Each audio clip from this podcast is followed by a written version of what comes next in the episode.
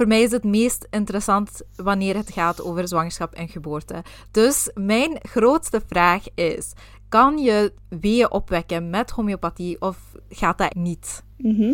Ja, er zijn inderdaad wel middelen uh, in de homeopathie die een persoon, die een vrouw helpen om weer op te wekken of uh, die helpen om uh, de bevalling te vermakkelijken of te mm -hmm. versnellen. Die zijn er inderdaad wel.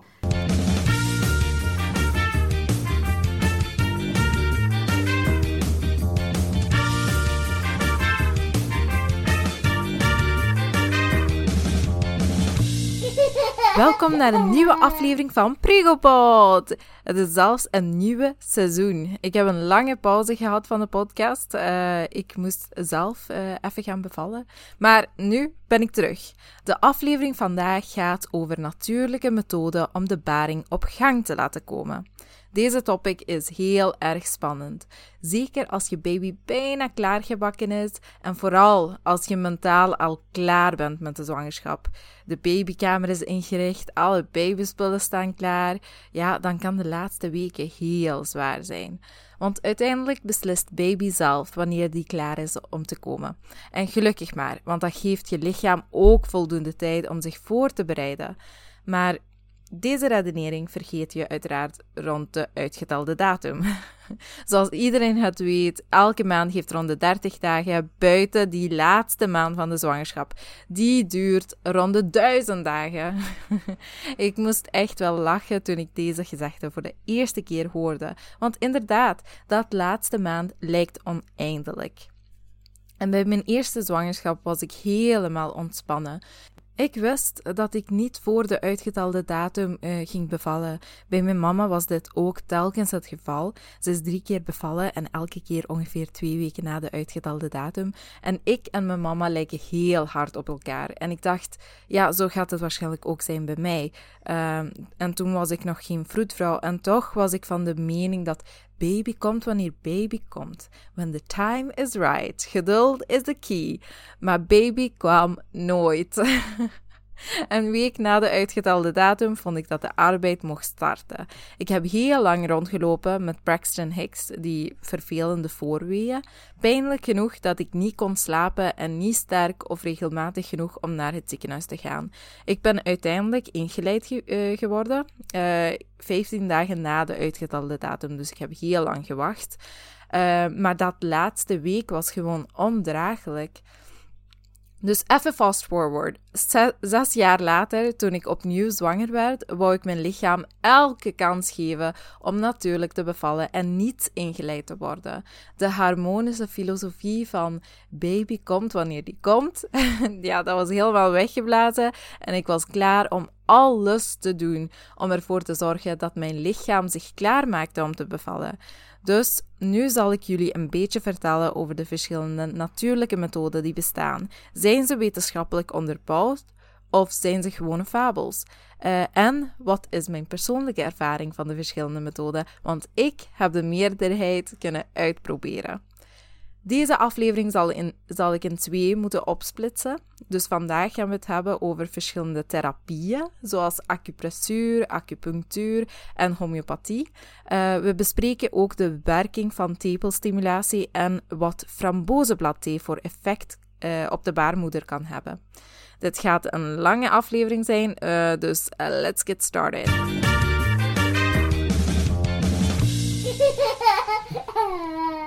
Over de vele eeuwen hebben vrouwen rond de hele wereld geprobeerd om het natuurlijke proces een stevige duwtje te geven en hun bevalling te laten starten.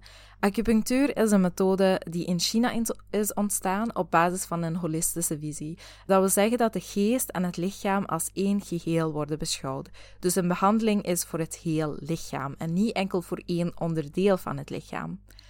Voor meer dan 2000 jaren heeft mensen voor allerlei ziekten en aandoeningen gebruik gemaakt van acupunctuur.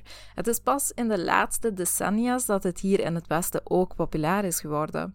Dus volgens eh, de traditionele Chinese geneeskunde vloeit er energie in je lichaam. En soms geraakt het uit balans. En om het terug in balans te krijgen, worden bepaalde plaatsen op je lichaam gestimuleerd. Dit kennen mensen al waarschijnlijk, maar door middel van kleine naalden worden deze punten, uh, punten behandeld. Um, om zo de vloei van energie te herstellen. Of om energie naar een bepaalde plaats te kunnen sturen. Misschien de baarmoeder, als je heel graag wilt bevallen. Er zijn in totaal 361 punten op je lichaam en enkel een opgeleide acupuncturist kan deze behandeling uitvoeren. Het is niet duidelijk hoe het juist werkt, uh, maar het kan leiden tot de stimulatie van bepaalde hormonen. En uh, deze reacties kunnen dan de baarmoeder positief beïnvloeden. Acupressuur gebruikt dezelfde punten als acupunctuur, maar uh, in plaats van naalden gebruik je je duimen of vingers. Deze behandeling kan je ook zelf doen uh, of je laat je partner dit doen. Ik raad je wel aan om hierover meer te lezen al voor je begint, uh, gewoon zodat je deze behandeling op de beste manier kan uitvoeren. Acupunctuur is uh, iets dat ik zelf niet heb kunnen proberen, want deels ben ik hella cheap. en deze behandeling wil je echt ook niet te vroeg doen. Uh, vele vrouwen zijn van de visie dat je lichaam, als als je lichaam al een beetje klaar is, kan acupunctuur ervoor zorgen dat de behandeling dat laatste prikkel, dat laatste signaal geeft om alles in gang te zetten. Maar om het te vroeg te doen, dat gaat geen zin hebben. Ik werd dit aangeraden te doen rond de 41 weken als de arbeid niet vanzelf was begonnen, om zo een eh, medische inductie te vermijden. Acupressuur heb ik dan wel toegepast, al een paar dagen voor de uitgetelde datum. Door uh, andere methoden heb ik altijd een paar voorweeën kunnen opwekken, maar dit was me nooit gelukt met acupressuur en daarom was het ook zo moeilijk om te weten of ik het effectief goed deed of niet. Mijn persoonlijke gevoel is dat het geen nut heeft gehad, maar wat zegt de wetenschap?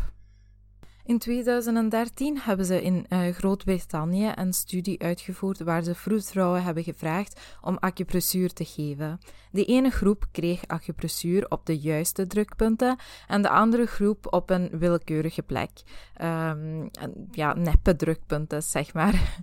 Daarna hebben ze de ouders in worden gevraagd om de behandeling thuis verder te zetten, minstens vier keer per dag.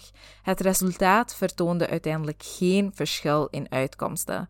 Een gelijkaardige studie met iets grotere uh, steekproef werd uitgevoerd in Iran. Hierbij uh, moesten de zwangere vrouw en haar partner in zwangerschapsweek 39 en 40 de drukpunten masseren. De resultaten werden vergeleken met zwangere vrouwen die de inefficiënte of neppe drukpunten masseerden. Dit onderzoek vertoonde ook geen verschil. Een derde studie vertoonde wel een positieve invloed op de baarmoederhals. Uh, eh, 150 zwangere vrouwen werden ingedeeld in drie groepen en de eerste groep kreeg acupressuur door een erkende acupuncturist. De tweede groep heeft zelf de druktepunten gestimuleerd en de derde groep moest niks doen.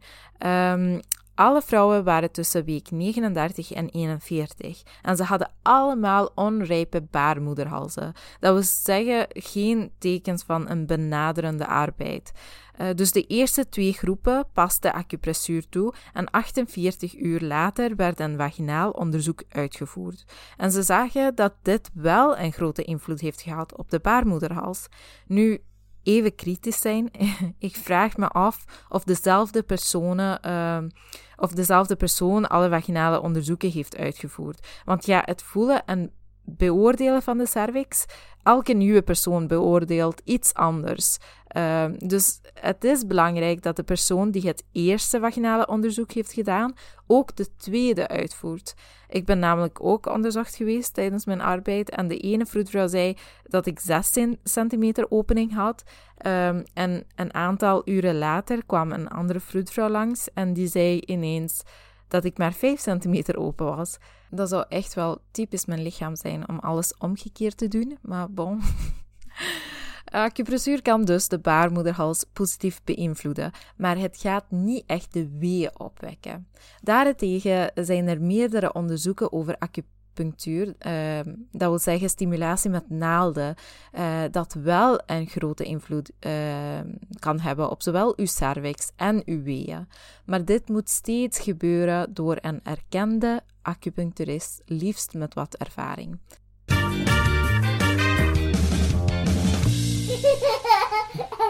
Een andere bekende therapie is homeopathie.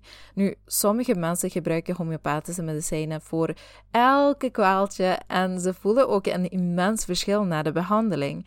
Anderen geloven daar helemaal niet in. Blijkbaar zijn er een paar uh, verschillende geneesmiddelen die de um, die de arbeid en bevalling kunnen vergemakkelijken. En om meer te leren over deze therapie heb ik mijn nicht Munezda opgebeld, uh, die klassieke homeopathie studeert. Ze woont nu in Nederland. Ja, ze hebben haar gepikt van ons, maar toen ze hier in België nog woonde, heeft ze een masteropleiding in geschiedenis en taalkunde gedaan. Op mijn Instagram, uh, midwife.attica, uh, kan je haar gegevens vinden. Ergens in de stories. Uh, moest je vragen hebben over homeopathie. So, without further ado, welkom naar de podcast, Mundaza. Dankjewel, Atka. Dankjewel voor de uitnodiging. Ja, graag gedaan. Zeg, um, hoe gaat het met u? Ja, met mij gaat het goed, ja. Wil je jezelf even voorstellen? Ja, um, ja even voorstellen. Mijn naam is dus Muneza Qureshi. Ik woon nu in Nederland sinds um, vier jaar. Um, ik, heb, uh, ik ben zes jaar geleden getrouwd en um, um, vier jaar geleden verhuisd naar Nederland. En ik heb twee kinderen. Ik heb, uh, mijn vooropleiding is uh, een onderdeel van geschiedenis en taalkunde. Ik heb in, in KU Leuven gestudeerd. En toen ik naar Nederland verhuisde, ben ik homeopathie tegengekomen. Ik kende het al sinds mijn kindertijd, maar uh, ik wilde het altijd wel studeren, maar in Nederland heb je heel goede scholen die homeopathie aanbieden. En dus ben ik hier uh, uh, nog een opleiding gestart, homeopathie, omdat ik zelf in, in mijn verleden heel veel goede ervaring heb met homeopathie. Dus ik ben dat gaan studeren en ik zit nu momenteel in mijn derde jaar. En um, ik doe momenteel mijn stage ook. Ja, en dat samen met twee kinderen, dat is echt heel, heel, heel druk. Ja, ik, heb, uh, ja, ik werk ook en ik heb twee kinderen, dus ik heb het druk genoeg. ja, daarom apprecieer ik echt heel veel dat je wilt meedoen. Want ik heb een paar belangrijke vragen in verband met uh, homeopathie. Uh, dus de eerste, kan je zo kort even uitleggen wat homeopathie is en hoe, ja, wat is de werking hiervan? Ja, dus de uitleg van homeopathie kan je eigenlijk heel diepgaand doen, maar ik zal mijn best doen om het kort mogelijk te houden. Um, ja, homeopathie is dus een uh, holistische geneeswijze. Uh, dat betekent dat het rekening houdt met, een, met de mens als geheel. Um, ja, met, het, met de innerlijke van, van de mens. En ja, het beschouwt een kwaal niet als op zichzelf staand iets, maar dat als iemand uh, iets aan de hand heeft, uh, dat het van binnen ergens vanuit komt. Dus dat een mens over het geheel genezen moet worden.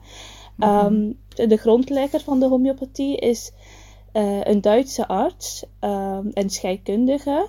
Zijn naam is Samuel Friedrich Christian Hahnemann en hij mm -hmm. leefde tussen de 1755 en 1843. En um, in, ja, rond die, in die tijd heeft hij dan ook uh, ja, homeopathie uh, geïntroduceerd. Het is afgeleid van het Griekse woord homoios en pathos. En dat uh, homoios betekent gelijksoortig en pathos betekent lijden. Dus we kunnen uit, uit de naam van homeopathie al afleiden wat het betekent. Um, de basisprincipe van homeopathie is de gelijksoortigheidsprincipe, oftewel Similia-wet.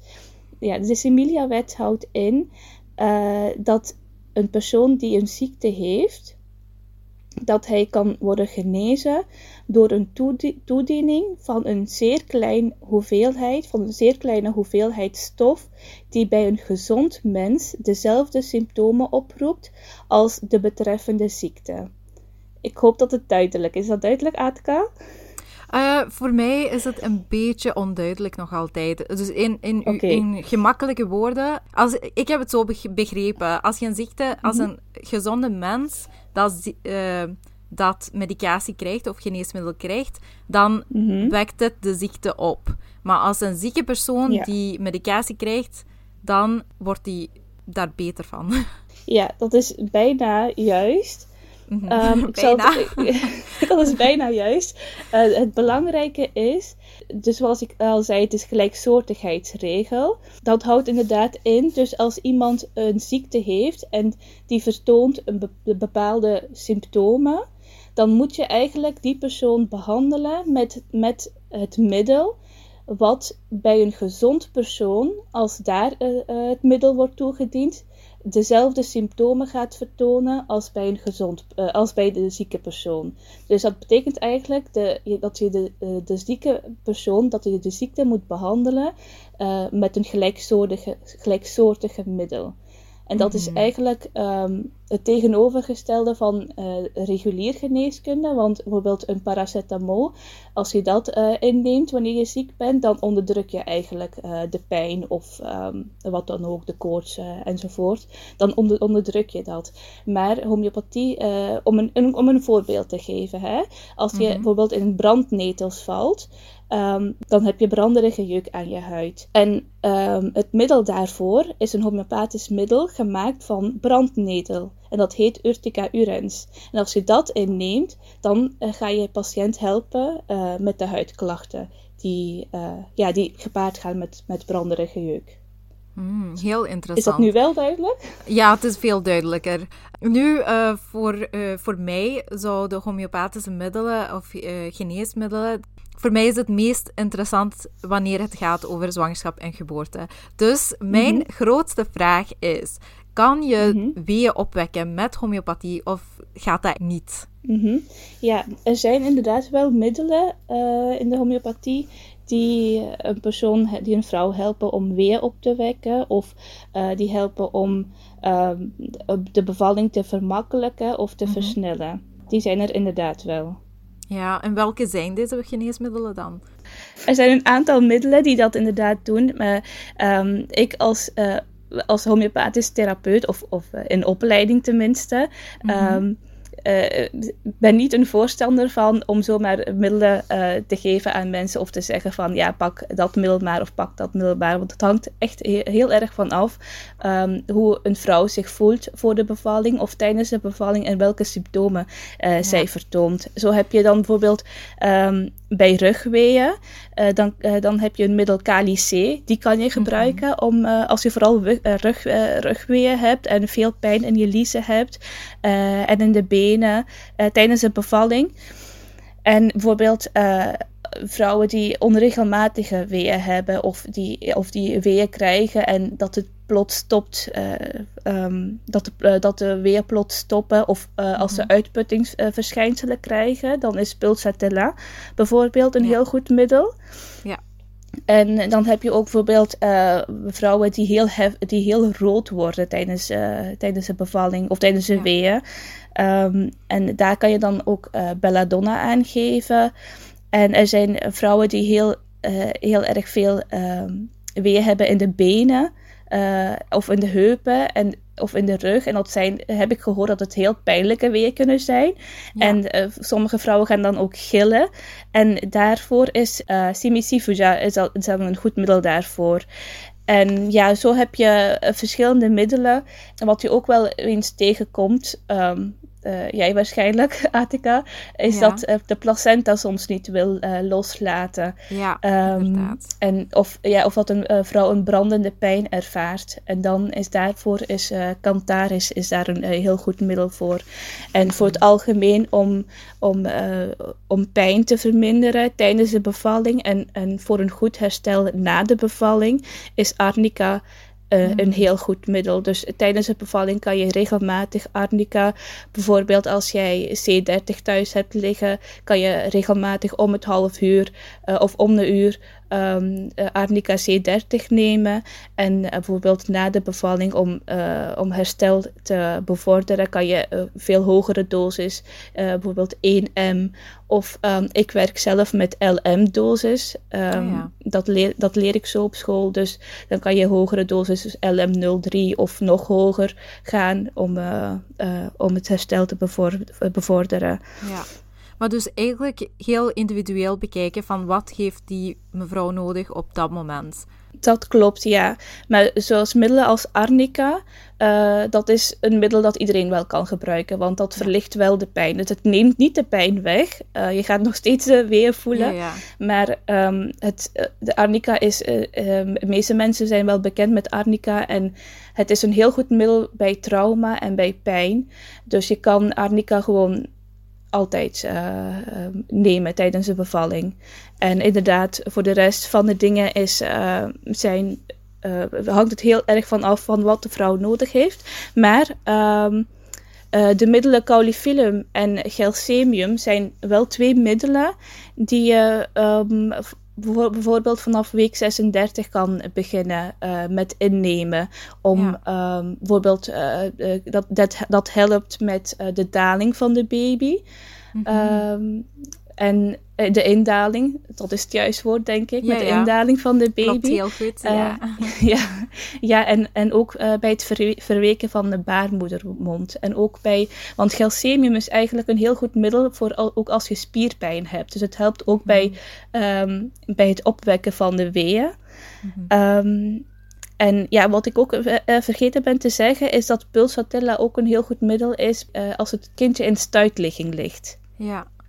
Maar dat is, dat is dan ook weer heel erg afhankelijk van de vrouw zelf. Dus sommige mm. vrouwen die, die helemaal geen pulsatilla beeld vertonen, daar gaat pulsatilla echt niks uithalen. Dus ja, het is, uh, het is heel afhankelijk van persoon. Nu, ja, ja. Ik, ik vind het soms moeilijk om te begrijpen hoe dat en medicatie in zo'n kleine... Want homeopathie, dat werkt met potenties, hè, met super kleine hoeveelheden. Hoe, hoe kan het zorgen dat die baby uh, van een stuitligging naar een hoofdligging ga, gaat komen liggen? -hmm. Ja, dat is, dat is eigenlijk de mysterie. Dat, mm -hmm. dat, uh, dat, het klopt inderdaad dat homeopathie met, uh, um, dat de, de, de een van de ba basisprincipes van homeopathie is de potentie en de dosering. Dat, dat, dat wordt ook wel dynamiseren genoemd. En dat is inderdaad, ja, als je daar heel diep op wil ingaan, dan, dan zou je eigenlijk in, de, in kwantumfysica moeten, moeten duiken. Misschien moet ik een volledige aflevering doen van homeopathie, want het is een heel uitgebreide therapie, die ook een, ja, een werking vertoont. Hoe dat nu echt in werk gaat, dat is nog altijd zo een beetje een mysterie. Maar mijn volgende vraag is eigenlijk, ja, sommige vrouwen pakken dan homeopathische middelen mee naar het ziekenhuis om hun arbeid een beetje te verlichten of uh, vergemakkelijken. Zijn er dan risico's gebonden aan deze geneesmiddelen? De uh, homeopathie zelf, dat is een heel milde uh, geneeswijze. Dus dat het geen schade aan je lever of aan je maag kan veroorzaken. Zoals bij andere uh, reguliere middelen wel kan gebeuren. Bijvoorbeeld als je heel veel paracetamol uh, neemt, dan kan je uh, aan je lever schade veroorzaken. Maar dat heb je dus bij homeopathie niet. Maar toch ben ik er voorzichtig mm -hmm. mee. Want wat wel kan, dus als je het verkeerde middel geeft, Um, dus als het middel niet past bij het beeld van de vrouw, dan kan het juist averechts werken. Dus bijvoorbeeld dat, ze, dat, ze juist, uh, dat, de, dat de weeën bijvoorbeeld juist stil gaan vallen. Maar um, je hebt wel middelen zoals caulifilum en gelsemium. Dat zijn middelen die, die standaard, uh, uh, zwangere vrouwen standaard kunnen nemen vanaf week 36.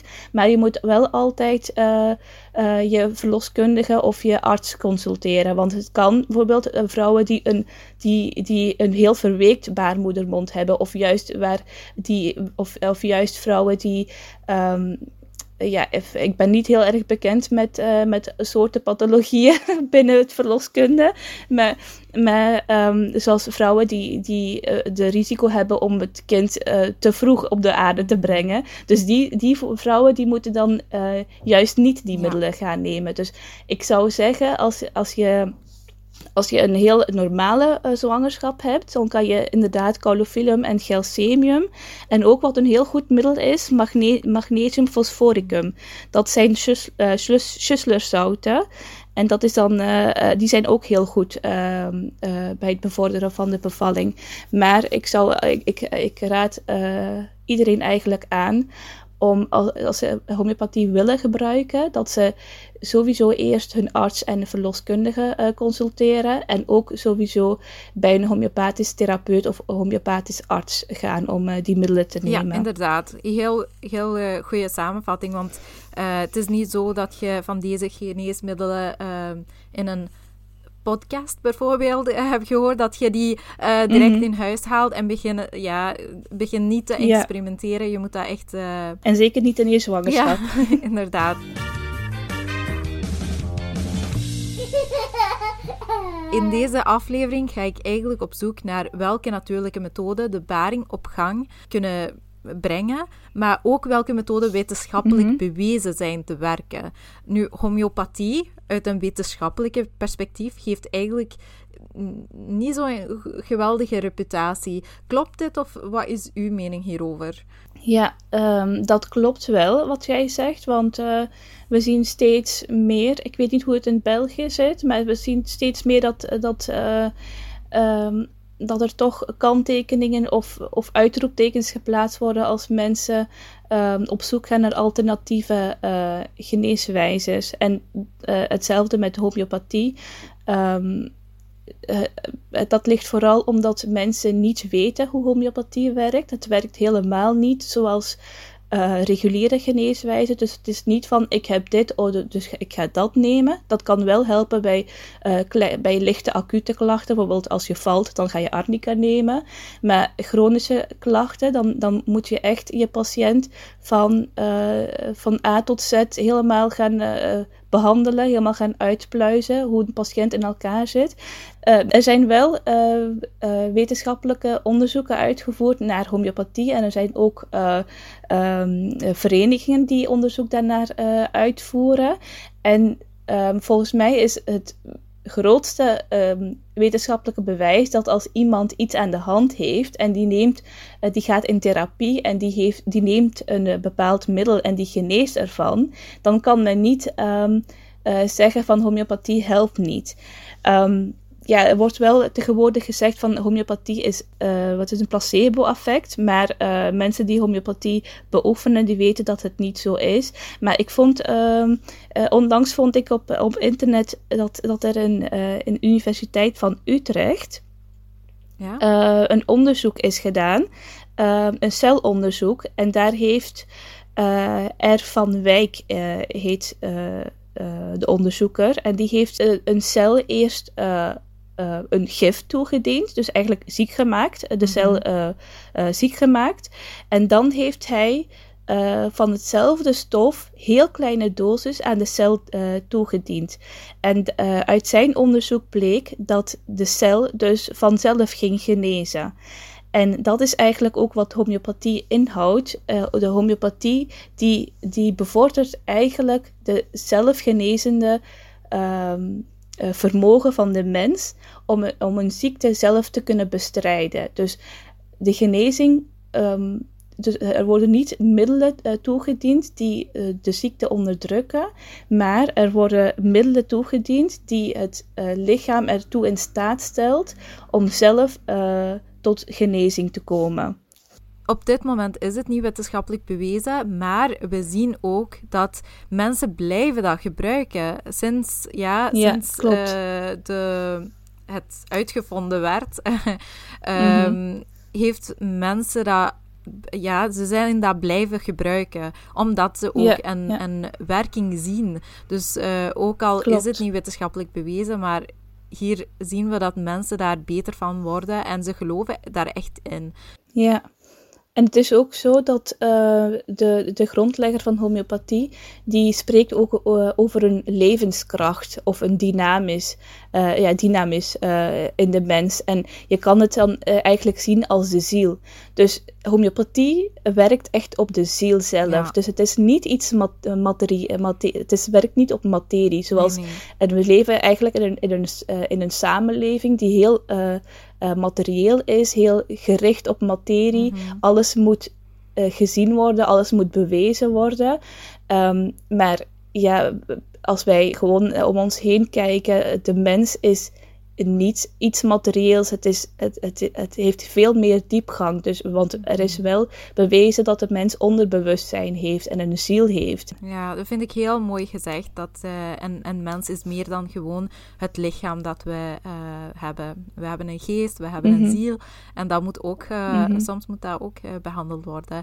Dus ik neem aan ja. dat jij in je eigen zwangerschappen ook homeopathie hebt gebruikt. Mm -hmm. Ja, dat klopt. Um, uh, de eerste zwangerschap, uh, toen heb ik dat niet gebruikt, want toen was ik, uh, ik, ik, was wel bekend met homeopathie, maar ik had geen idee hoe ik dat moest nemen. En mensen kwamen met alles, allerlei soorten adviezen van neem dit of neem dat, maar ja ik was toen ook al heel kritisch uh, naar dit soort dingen van um, ik neem niet iets waarvan ik geen idee heb, idee heb hoe, het werking, hoe de werking ervan is. Maar mijn tweede bevalling um, heb ik dat wel gebruikt. Ik heb uh, sinds het begin van mijn zwangerschap eigenlijk heb ik middelen gebruikt. Um, en vooral in, uh, ik heb zelf um, van, vanaf week 36 heb ik ook uh, caulifilum en gelcemium mm -hmm. en magnesium fosforicum gebruikt. Um, en ik kan, ja, als ik het heel kort wil houden, kan ik zeggen dat mijn tweede bevalling um, helemaal anders was dan mijn eerste. Ja. dus uh, het, ja, het is Um, ik, uh, ik heb wel de effecten gezien en ook na de bevalling heb ik uh, uh, arnica gebruikt en um, een tinctuur dat heet hypercal, dus hypericum en calendula, dat mm -hmm. uh, gemengd, dat is een uh, tinctuur is dat, dus niet, geen um, verdund homeopathisch middel, maar echt een tinctuur. Dat heb ik gebruikt om, voor de wondgenezing, dus ik deed daar 10 tot 15 druppels in een fles water en ik ging dan telkens mijn wonden verschonen daarmee. En ja, ik heb eigenlijk na de bevalling helemaal geen pijnstillers gebruikt. Ik had het helemaal niet nodig. En um, tijdens de bevalling heb ik ook geen epidurale moeten gebruiken. Oh en um, ja, en, en uh, ik moet zeggen dat ik uh, een half jaar na de bevalling uh, homeopathie heb doorgezet. met andere middelen dan. En ik heb helemaal geen last ge gehad van van, um, uh, van haaruithal bijvoorbeeld. Ah, mij. Daar heb ik helemaal geen last van gehad. Ja, ja, dus het heeft inderdaad wel geholpen. Ja, het was fantastisch om te horen. En echt uh, een spannend verhaal. Ik denk dat ik... Ik ga je sowieso uh, opnieuw uitnodigen, zodat ik de volle verhaal kan krijgen van je zwangerschap en je bevalling. en sowieso de werking ja. van homeopathie.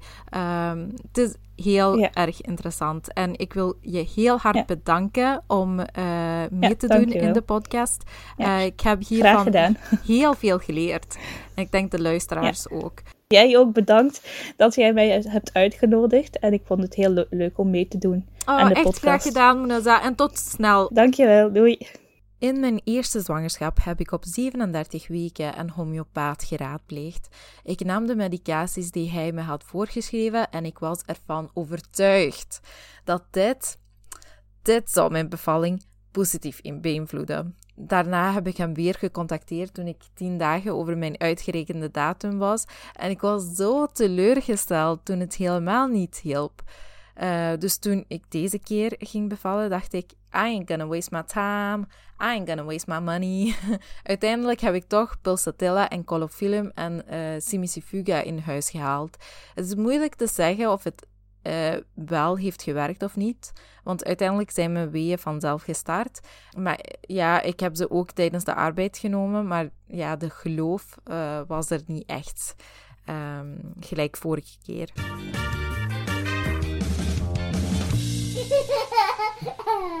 En nu gaan we het hebben over tepelstimulatie. Het stimuleren van de tepels zorgt ervoor dat oxytocine vrijkomt, de knuffelhormoon. Dit is dezelfde hormoon die ook verantwoordelijk is voor de weeën. Dus je kan je baarmoeder stimuleren om samen te trekken door je tepels te masseren. Dit heb ik natuurlijk ook toegepast. Niet enkel bij deze zwangerschap, maar ook mijn eerste. En ik heb altijd weeën kunnen opwekken. Soms zo pijnlijk dat ik even moest stoppen met de tepelmassage.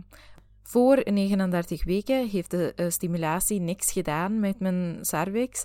Uh, ik heb het ook toegepast in de arbeid toen ik, uh, gelijk vorige keer, een te lange rustpauze heb gehad. En toen was het wel effectief. Maar opnieuw, wat zegt de wetenschap? In 2005 hebben ze een grote review gedaan met zes verschillende onderzoeken. Nu, ik ga niet iedere onderzoek in detail overlopen, maar uh, om samen te vatten. In een onderzoek werden zwangere vrouwen gevraagd om stepelstimulatie toe te passen. Drie keer per dag voor telkens een uur. En 37% van deze groep zijn spontaan in arbeid gegaan binnen de drie dagen. In de groep waar geen stimulatie gebeurde, zijn maar 6% spontaan in arbeid gegaan. In een ander onderzoek gebeurde de stimulatie door een afkolfapparaat, 15 minuten aan elke kant, totdat de samentrekkingen om de 3 minuten kwamen. Ze zagen dat ze een beter resultaat kregen indien de baarmoederhals al wat rijp was. In een ander onderzoek hebben ze zwangere vrouwen vanaf week 38 gevraagd om hun tepels te stimuleren voor 15 à 20 minuten drie keer per dag. Ze hebben de cervix een week later onderzocht en het resultaat vergeleken met de controlegroep, waar geen eh, tepelstimulatie is toegepast, en ze zagen een groot verschil in de rijpheid van de cervix. Het resultaat van deze review was dat tepelstimulatie zorgde voor een rijpere baarmoederhals, de arbeid en de weeën gebeurden spontaan en er was minder risico op een keizersnede. Hoewel deze methode effectief is, kan het in zeldzame gevallen te goed werken en het kan leiden tot overstimulatie. We kunnen de hoeveelheid oxytocine die vrijkomt niet zelf gaan aanpassen. Natuurlijk kan je de stimulatie stopzetten, maar dat is ook het enigste wat we kunnen doen. Gewoon stoppen met masseren.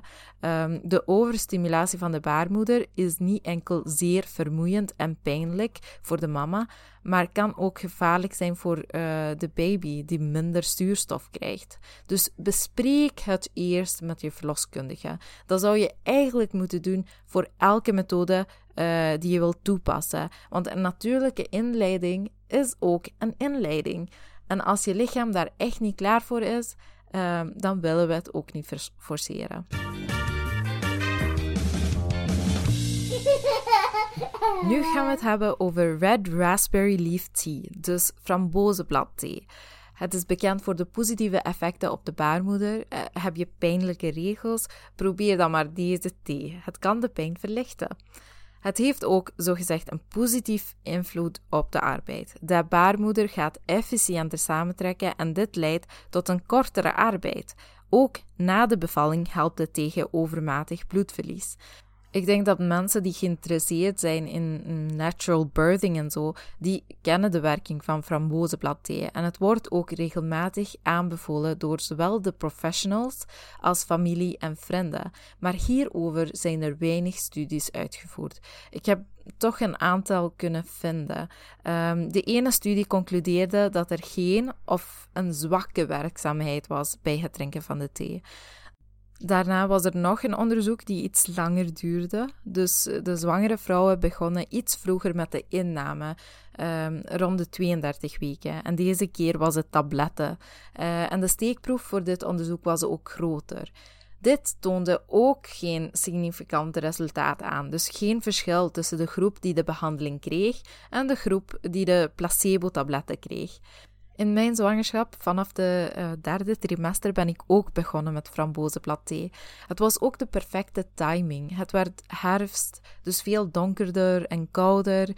Uh, ik heb lekker kunnen genieten van mijn tas thee of uh, tasjes thee, zal ik maar zeggen. Um, ik geloofde echt dat deze thee mij zou helpen bevallen. Want vorige keer heb ik 12 uren aan één stuk weefversterkers gekregen. Ik heb zo pijnlijke contracties gehad en ik ging van 3 centimeter tot een 4 um, primaire weeënzwakte staat uh, in mijn dossier. En dit ga ik niet opnieuw meemaken, dacht ik. Dus amai, ik heb heel veel van die thee gedronken. Zoveel dat ik er nu niet tegen kan. Ik kan er zelfs niet ruiken. Zoveel thee heb ik gedronken. Heeft het mij dan geholpen? Uh, ja, ik weet het niet. Een maandag zijn mijn pijnlijke weeën gestart, maar nog altijd zo heel onregelmatig. Um, Sommigen van jullie herkennen het misschien, die vervelende, latente fase. En stilletjes aan zijn ze sterker en sterker geworden, maar ik heb heel veel geduld gehad, omdat ik wist dat deze fase langdurig kan zijn.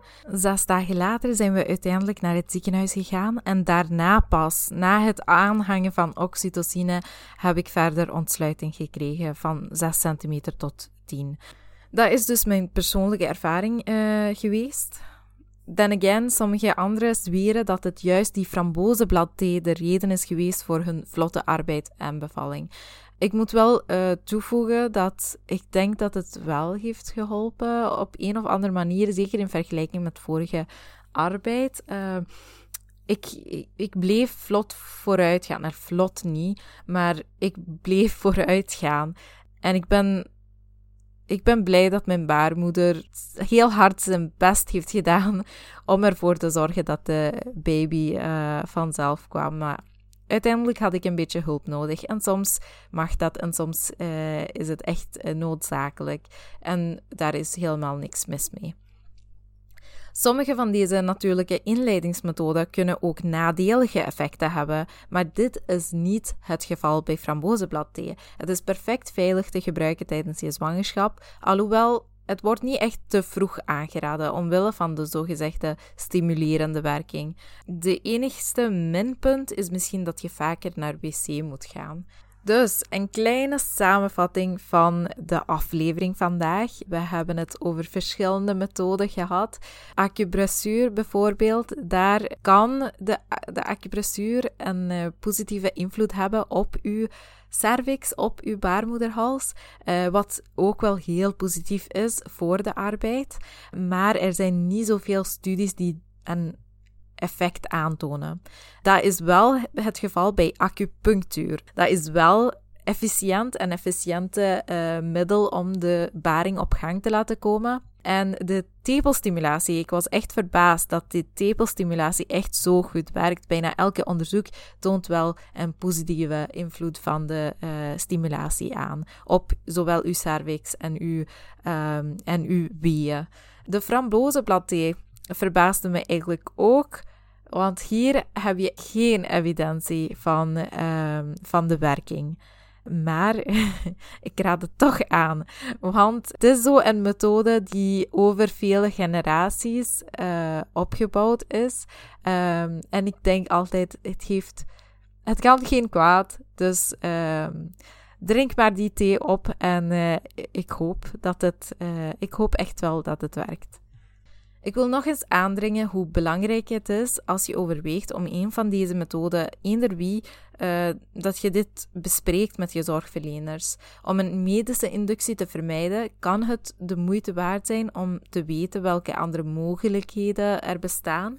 Als iemand graag de bronnen wilt nalezen, hit me up, stuur me een bericht en ik stuur je de onderzoeken door. In de volgende aflevering ga ik de werking van dadels bespreken en andere voedingsartikelen die bekend zijn om weeën op te wekken. We hebben het ook over castor oil of wonderolie in het Nederlands. En we vragen ons af: wat heeft beweging vooral en kan seks een extra prikkel geven? Heb je zelf iets gedaan om moeder natuur een extra duwtje te geven op het einde van jouw zwangerschap? Laat me het zeker weten en misschien deel ik het mee in de volgende aflevering. Tot dan, bye!